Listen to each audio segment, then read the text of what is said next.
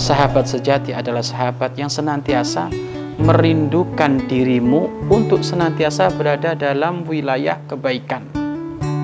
Bahkan di saat kita teledor, namanya manusia, di saat kita lalai lupa, mereka mengingatkan kita. Maka ini sahabat yang sejati. Hindari sahabat yang hanya ingin mengambil kemanfaatan dari kita.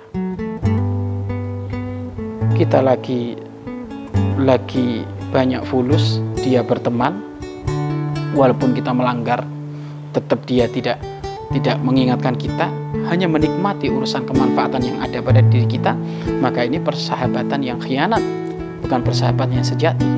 Maka Anda harus senang menemukan sahabat yang berani mengingatkan Anda. Itu termasuk nikmatnya bersahabat seperti itu.